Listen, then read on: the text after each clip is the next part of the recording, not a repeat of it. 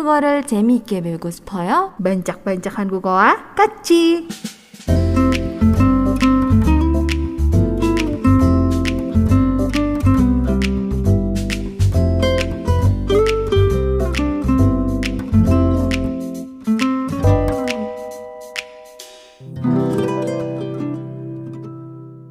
Hari ini kita belajar apa sih Ani? Iya, jadi untuk di Bancak-Bancak Hankuko hari ini kita mau membahas tentang musim dingin.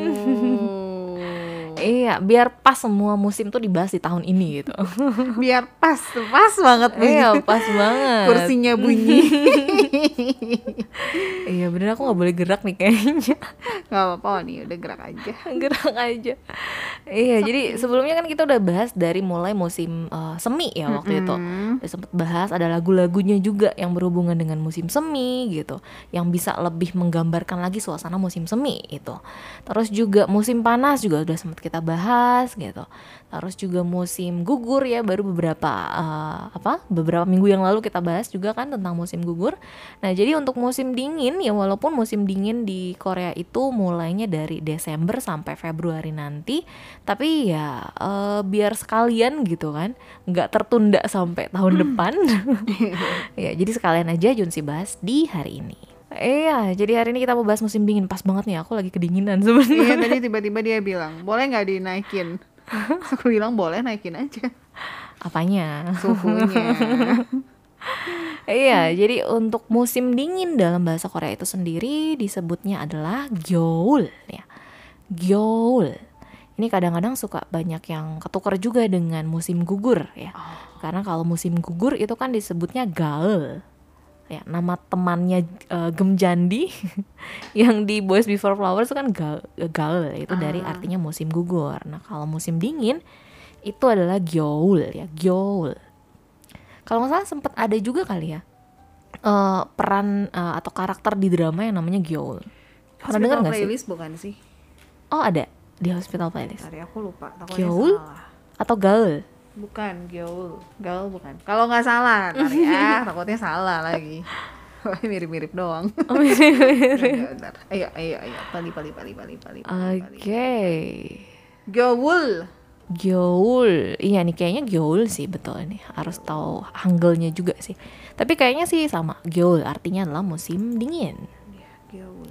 Aha, nah pertama kita mau lihat dari keadaan alamnya dulu deh untuk musim dingin tuh seperti apa sih kalau di Korea? Pasti dingin. Iya, itu sudah jelas sih ya. Kalau musim dingin pasti dingin, musim panas pasti panas. Iya. Mhm, Oke, terima kasih. Sama-sama. Ada, Eh, iya. ada ininya. Nggak ada apa? Nggak Oh, ya. Iya. Nah, ya betul sih kayaknya itu tadi Iya. dari eh, alfabetnya Gyeol. Ya, jadi kalau untuk suhu rata-rata di saat musim dingin di Korea itu bisa mencapai eh, minus 10 sampai eh, 5 derajat di bulan Desember gitu.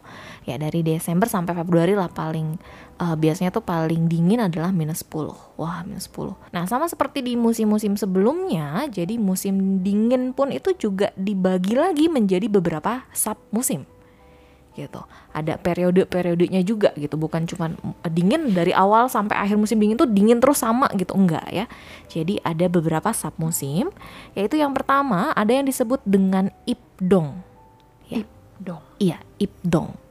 Nah, periode Ipdong ini merupakan hari dimulainya musim dingin. Gitu. Jadi baru mulai nih, baru uh, udara akan mulai mendingin dari semenjak hari ini gitu. Itu disebutnya adalah periode Ipdong. Nah, pada saat Ipdong, orang Korea itu biasanya akan mulai mempersiapkan segala kebutuhan untuk menyambut musim dingin.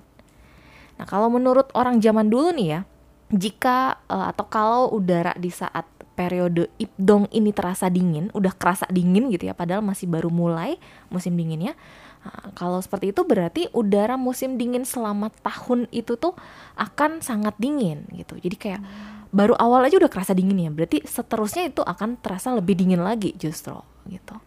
Tergantung dari si eh, periode Ipdongnya nih. Kalau periode selama periode Ipdongnya ah kayaknya nggak terlalu dingin dingin banget berarti selama uh, musim dingin seterusnya ya di uh, di tahun itu itu akan uh, nggak terlalu dingin gitu. Nah pada umumnya menjelang hari Ipdong itu masyarakat Korea itu membuat atau melakukan yang namanya gimjang.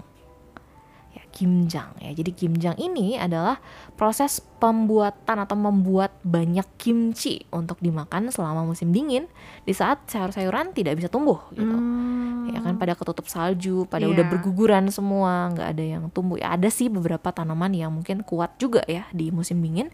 Uh, tapi untuk sayur-sayuran kebanyakan tidak bisa kan, jadinya harus dipersiapkan salah satunya dengan buat kimchi yang banyak ini. Gitu. Nah, selain itu, masyarakat Korea juga mempunyai kebiasaan yaitu membuat kue basah dari beras dan juga kacang merah yang disebut dengan pat sirutok. Ya, patnya sendiri artinya kacang merah. Gitu. Ya, toknya ya uh, artinya kue basah dari beras itu ya dari tepung beras. Ya, pat sirutok. Itu dibikin lalu dihidangkan eh, dipersembahkan untuk dewa-dewi dan juga eh, untuk sapi-sapinya pun juga untuk bisa eh, membantu kegiatan pertanian sepanjang tahun. Jadi kayak sebagai ucapan terima kasih lah gitu istilahnya karena sudah membantu untuk kegiatan pertaniannya sepanjang tahun gitu. Hmm. Mhm. Nah selain itu di zaman dulu di setiap desa itu biasanya diadakan sebuah pesta untuk menghibur kaum lansia dan sebagai hidangan utamanya itu disediakan cuotang. Nah cuotang ini semacam kayak eh, makanan berkuah yang eh, utamanya itu adalah belut. Gitu. Jadi di Korea juga ada belut ya. Mereka juga makan belut gitu. Tapi kalau di kita kalau makan belut pernah makan belut nggak?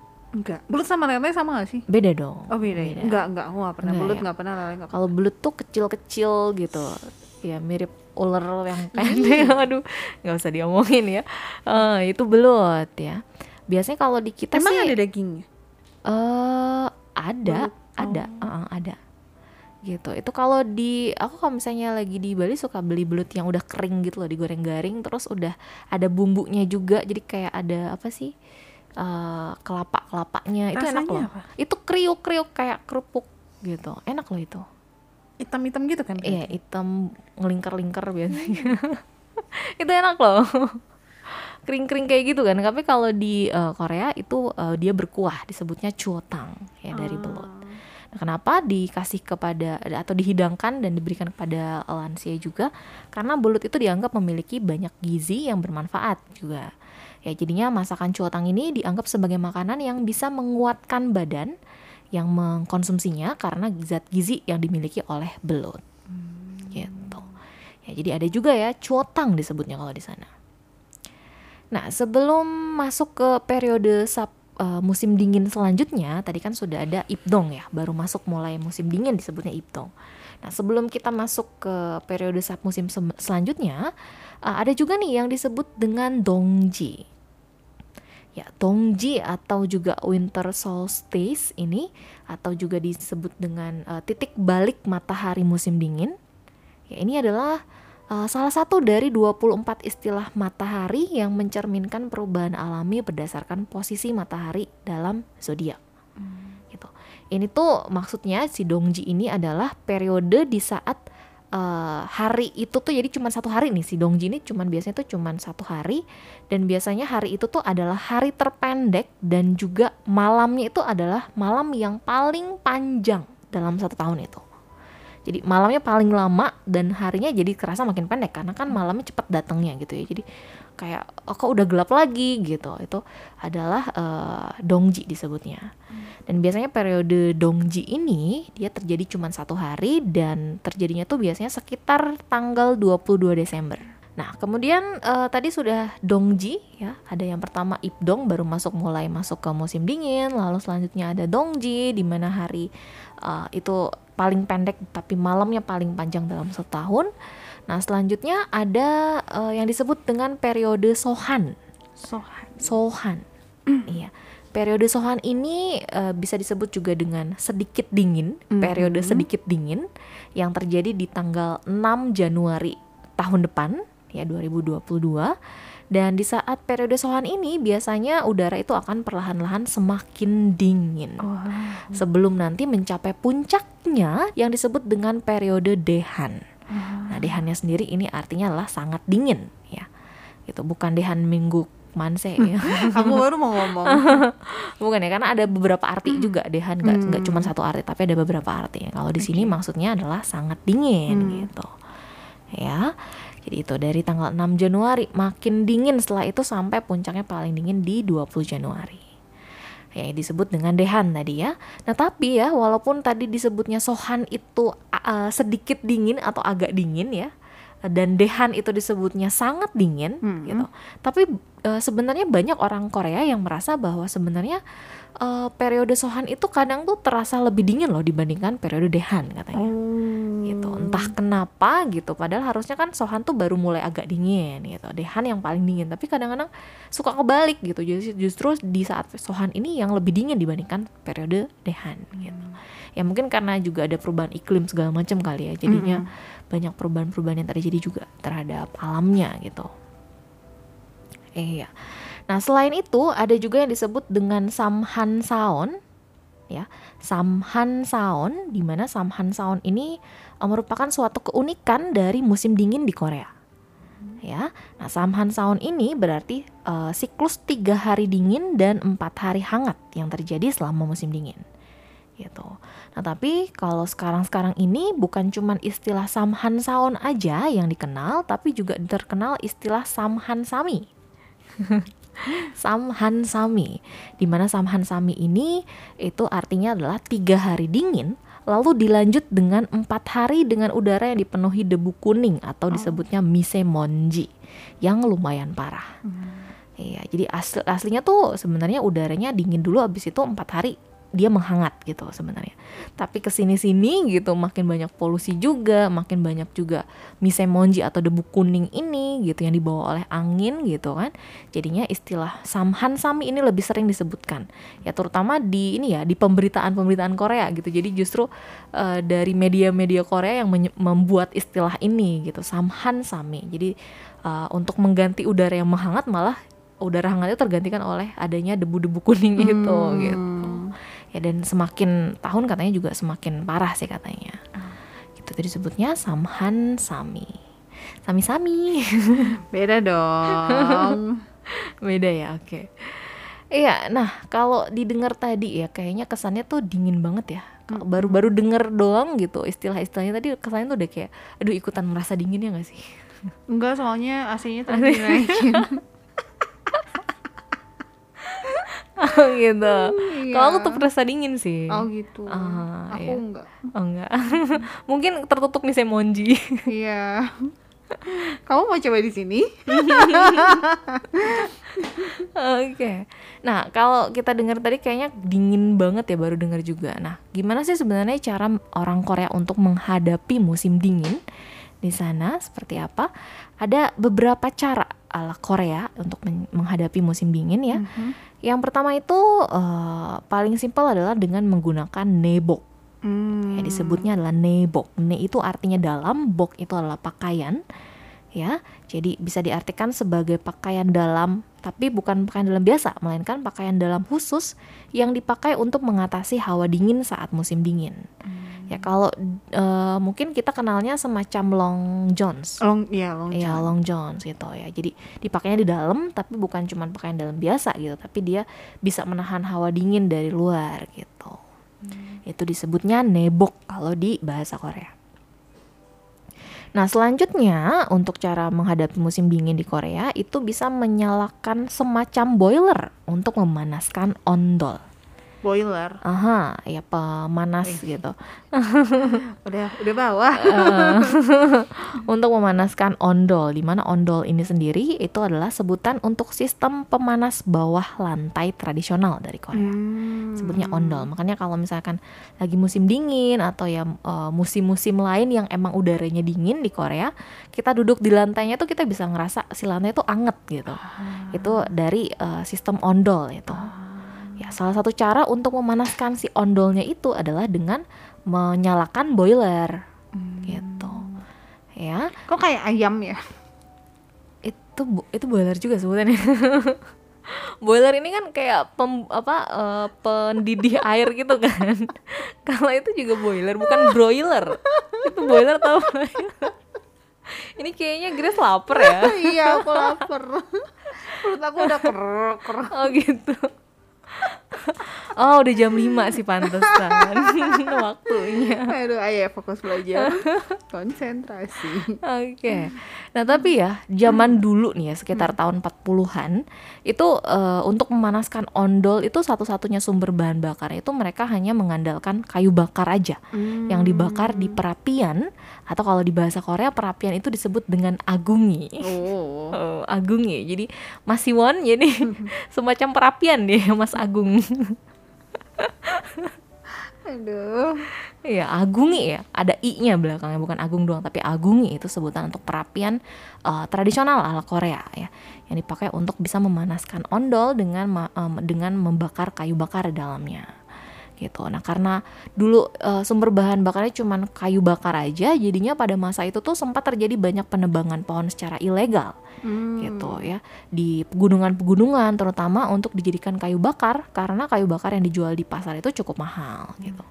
Jadi ya apalagi dulu kan ya tahun 40-an masih belum zaman eh, merdeka mereka sama kayak di kita gitu. Mereka masih eh, istilahnya kekurangan eh, banyak yang wa- em, apa warga miskinnya tuh masih banyak gitu saat itu. Jadinya banyak yang tidak bisa untuk membeli kayu bakar sehingga akhirnya mereka harus menebang pohon secara ilegal ya. Karena mau nggak mau karena kan dingin ya gitu. Kita nggak nggak punya duit juga untuk beli kayu bakar jadi harus nebang sendiri gitu nah akhirnya kemudian ada juga yang disebut dengan yontan ya yontan atau juga semacam briket batu bara ini akhirnya keluar sebagai alternatif yang eh, dipakai untuk menggantikan kayu bakar di awal tahun 1960-an setelah perang Korea gitu. Jadi baru ada si Yontan ini setelah perang Korea. Jadi selama eh, selama perang Korea tuh mereka masih mengandalkan kayu bakar berarti ya.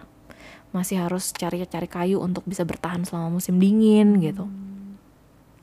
Nah, Yontan ini dibuat dengan debu batu bara dan juga tanah liat sebagai agen eh, perekatnya biar bisa jadi sat- jadi tidak ter apa eh, tidak hancur gitu.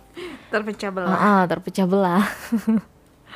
Iya, nasi yontan ini eh, mudah kita gunakan untuk bisa membantu kita memasak dan juga eh, pemanasan di dalam rumah gitu ya.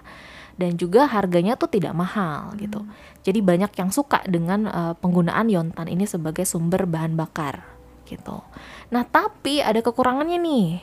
Yaitu tepatnya di eh, di sekitar tahun 88 eh ya eh, Waktu jadi lahir. Oh itu 88 ya Jadi 88 Jadi 88. Oke ya sampai tahun sekitar tahun 88 tuh masih banyak eh, rumah tangga Korea yang menggunakan yontan untuk pemanasan rumahnya ya.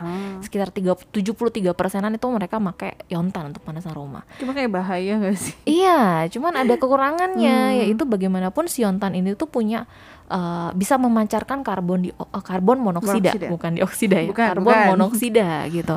Bisa memancarkan karbon monoksida yang berupa gas beracun yang dijuluki the silent killer. Dan eh, si brikat ini juga memang eh, apa ya maksudnya dijadikan salah satu cara ya untuk mengakhiri hidup. Aduh, iya, itu sayangnya itu juga ya kekurangannya gitu. Masih ada juga orang yang menggunakan yontan ini untuk bisa mengakhiri mengakhiri hidup hidupnya karena gitu. iya ada beberapa berita yang eh, mungkin pernah dibawain juga sih di Asiatic ya Mhm. beberapa idol yang ya melakukan itu dengan Mhm. brikat gitu Iya itu karena sampai sekarang masih juga eh, terutama di apa eh, rumah-rumah yang bukan di kalangan orang kaya gitu masih banyak yang menggunakan yontan juga Hmm. gitu dan bahkan di musim dingin tuh suka ada kayak kegiatan Oh sukarelawan iya, itu untuk bagi-bagiin si- yontan ini si gitu. siapa bapak bapak Ebel Bapak Ebel bapak bapak bapak bapak yang dikagumi semua Oleh? orang. Di dari YG wait.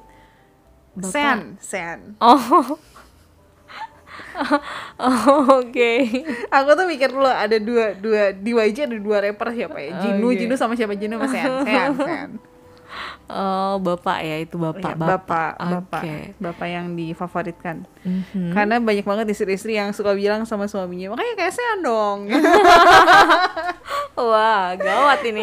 lucu Iya, panutan banget ya. iya panutan banget Oke ya, jadi itu ya. Jadi ada kekurangannya dari penggunaan Yontan ini.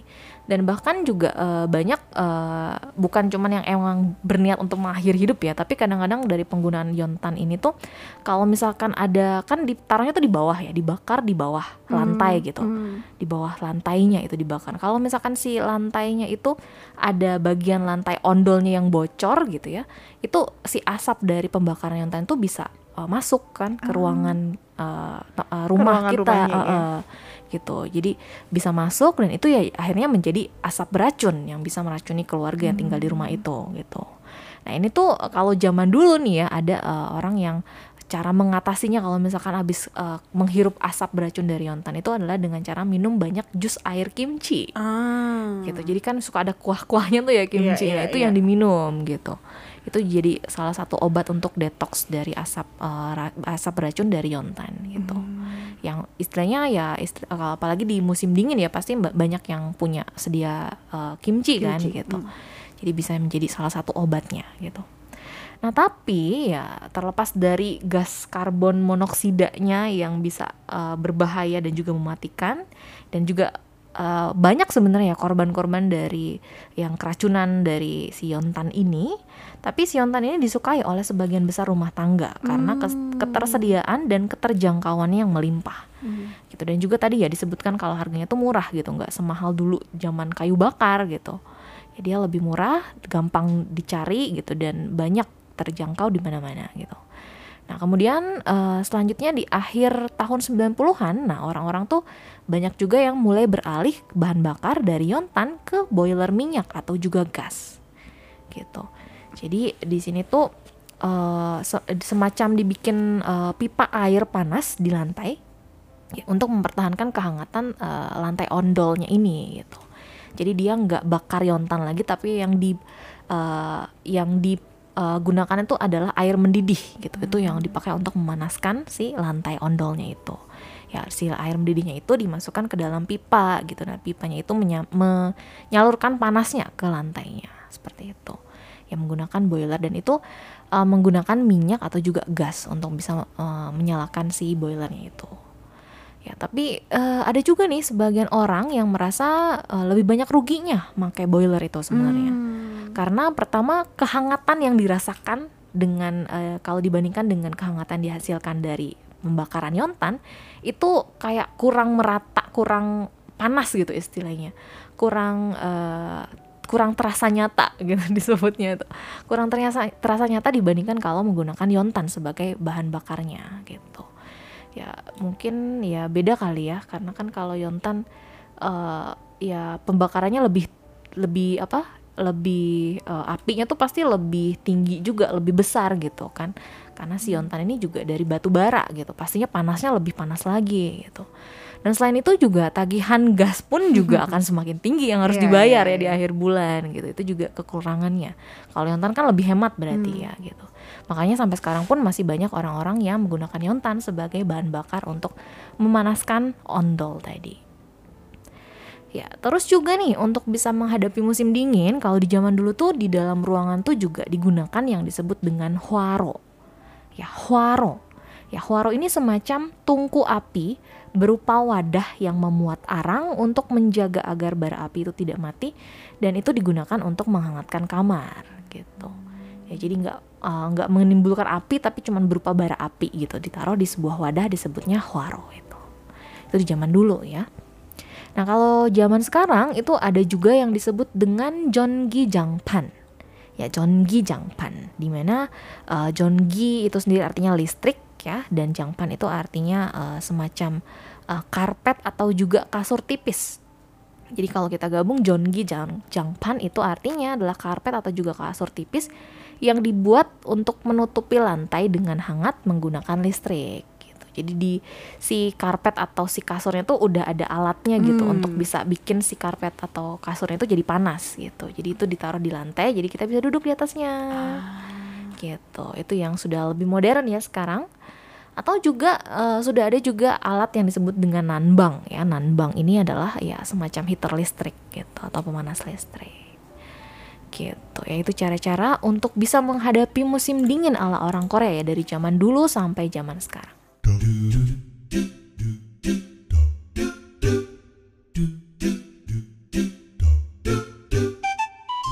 정치자 여러분 감사합니다. 반짝반짝 한국어는 여기까지입니다. 야! 아이고.